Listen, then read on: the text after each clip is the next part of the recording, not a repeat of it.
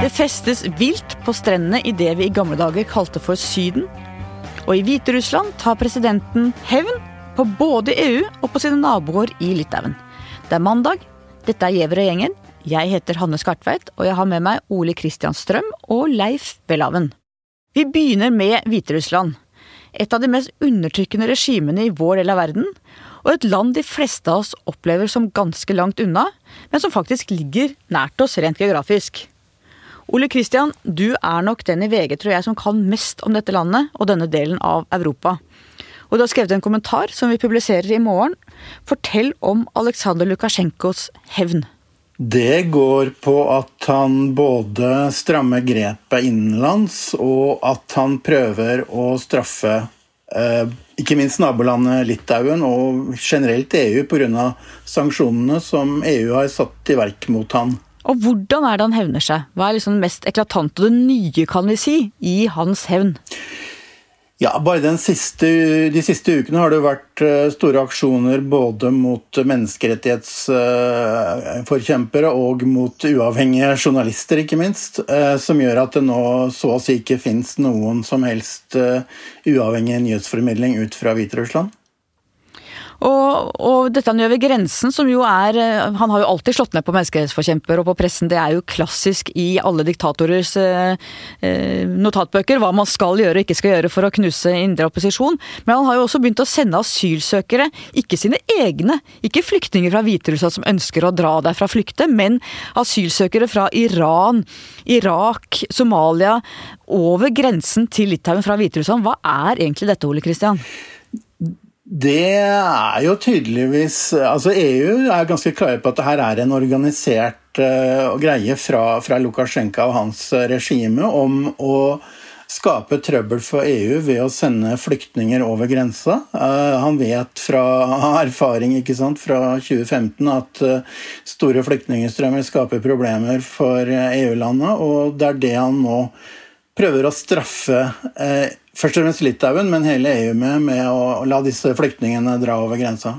Ja, for dette handler ikke bare om Litauen, for Litauen er jo en del av EU, er også en del av Schengen, så det er i realiteten EUs yttergrense. Han nå tror man importerer, skal du si, eh, asylsøkere fra, fra, land i verden hvor folk eh, flykter fra, inn i EU. Når de er kommet inn for Litauen, så kan de komme hvor som helst. Det er jo en ganske snedig og ganske slu måte å demonstrere overfor resten av verden og straffe, seg, straffe Litauen og naboene der med?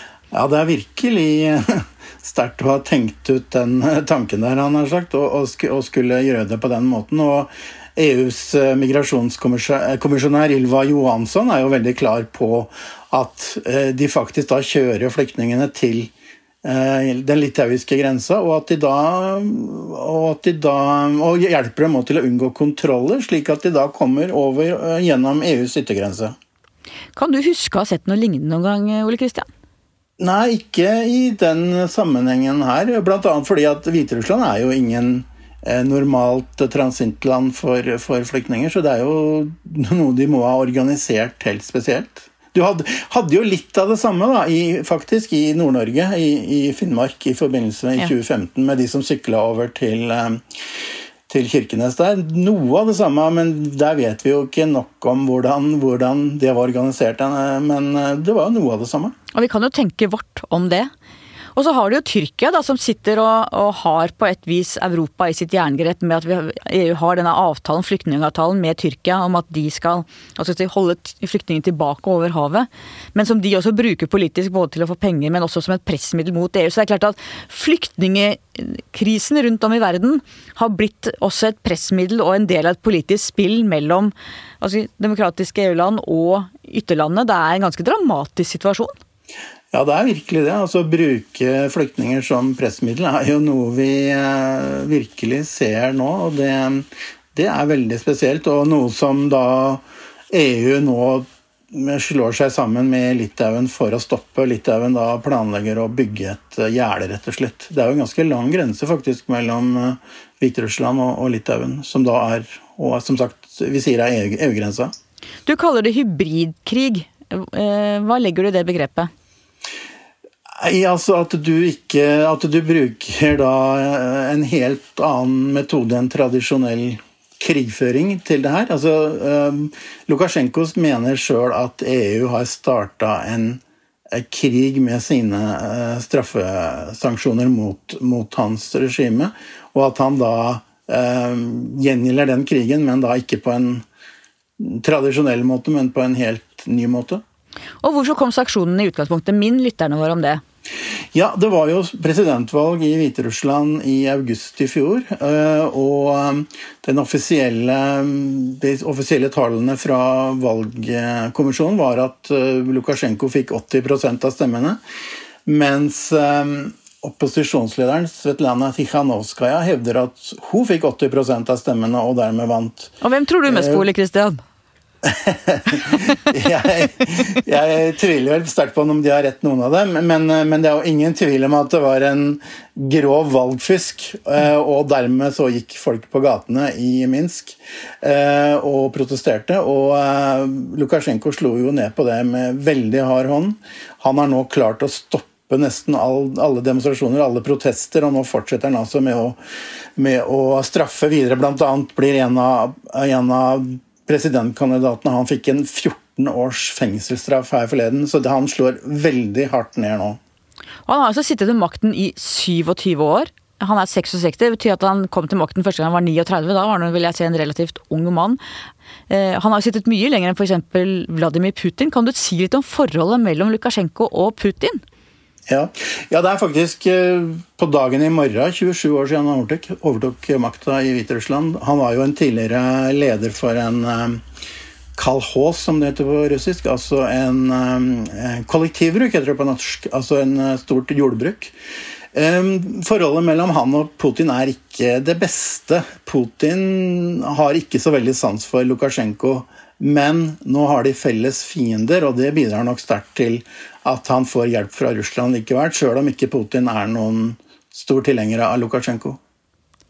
Du, jo, du, snakker flytende russisk, du har reist mye der, du kjenner Russland veldig veldig godt. Hvordan vil si det har forandret seg fra Sovjetunionen falt sammen i 1990 og fram til nå? Hele både Russland og Hviterussland, hele regionen. Hva har du sett av forandringer?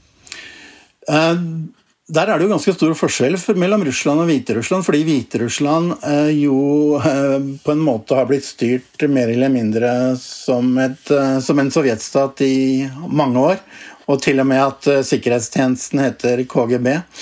Mens jo Russland hadde en vill periode på 1990-tallet hvor alt var lov, og der ikke minst ikke minst markedsøkonomien jo var helt ute av styring. Eh, og så kom da eh, Putin i år 2000 og skrudde til og har ført eh, Russland back to the USSR, som da vil mange vil si. Og han Sjøl om det økonomisk jo er fortsatt er frislipp, så, så, har Putin veldig sterk kontroll over de store oligarkene, og det er jo noen oligarker støtter da Putin, andre, de som ikke støtter Putin, de har jo da dratt utenlands, stort sett. Det er vel ikke den kuleste naboen vi har i Russland, må vi kunne si. Veldig interessant å høre på deg, Ole Kristian. Tusen takk. Nå skal vi straks snakke om noe litt lettere, nemlig festing, selv om det også er tungt med korona. Så det kommer vi til.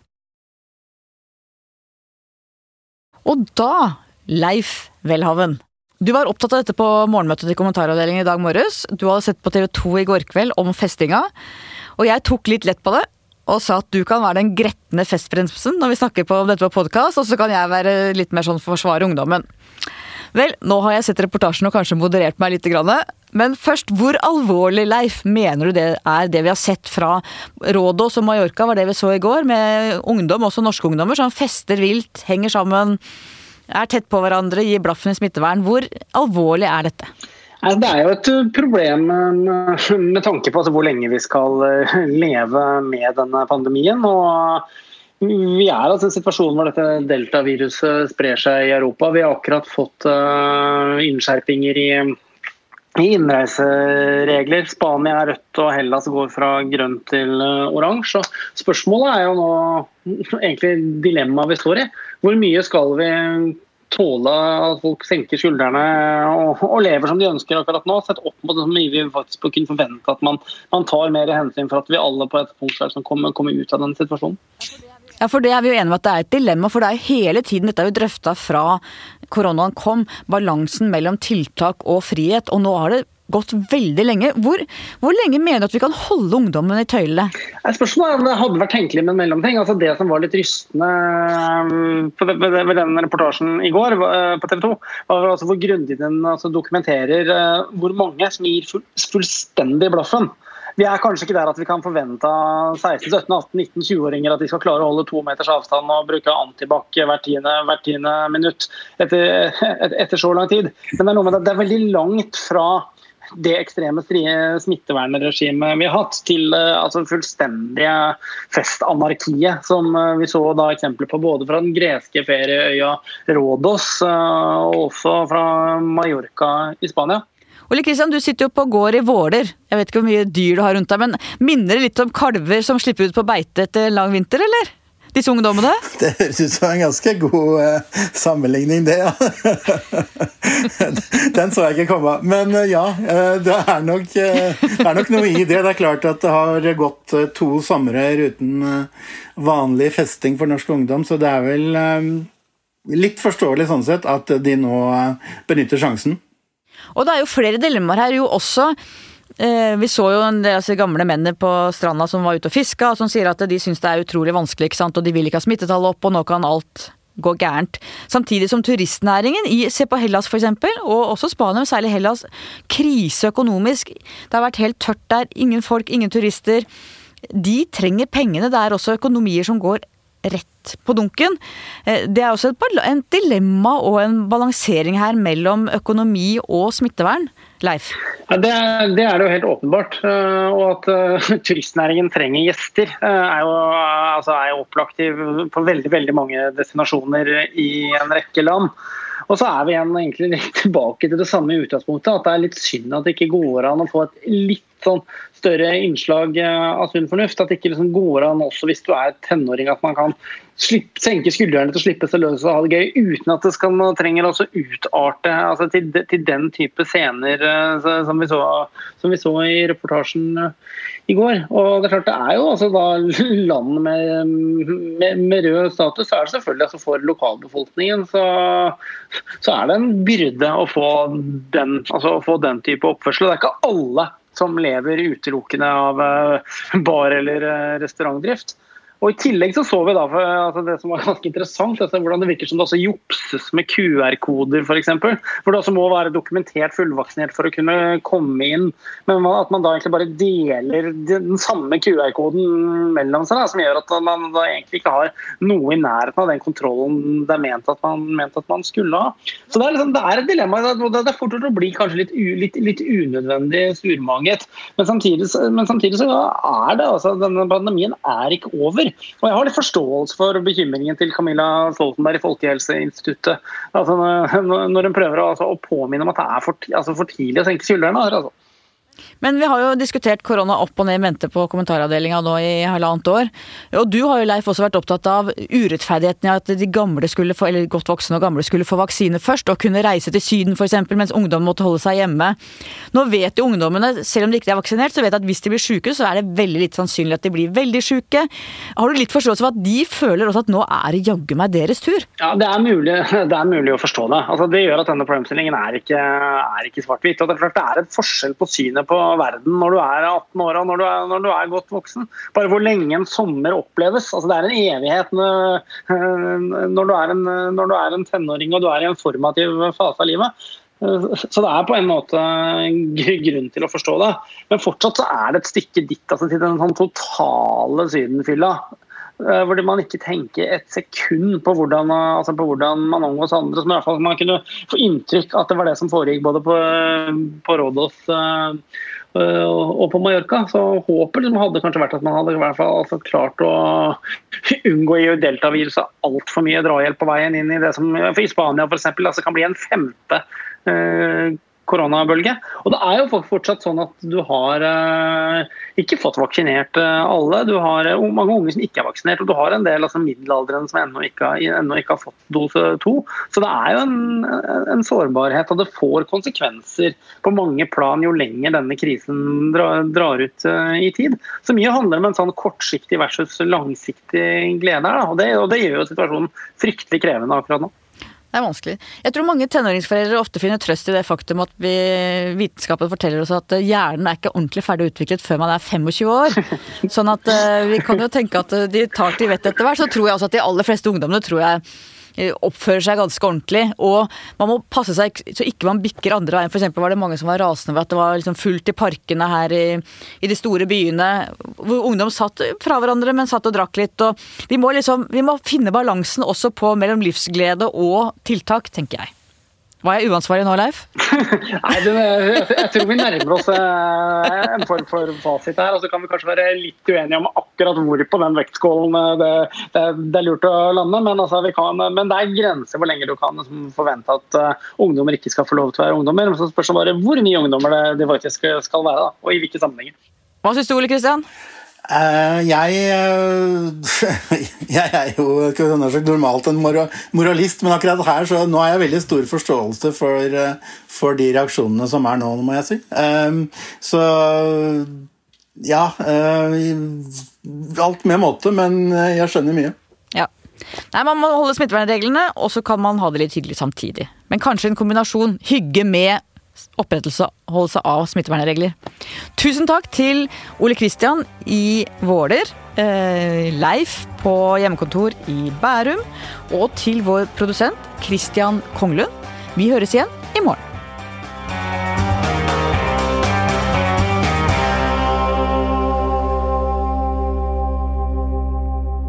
Du har hørt en podkast fra VG.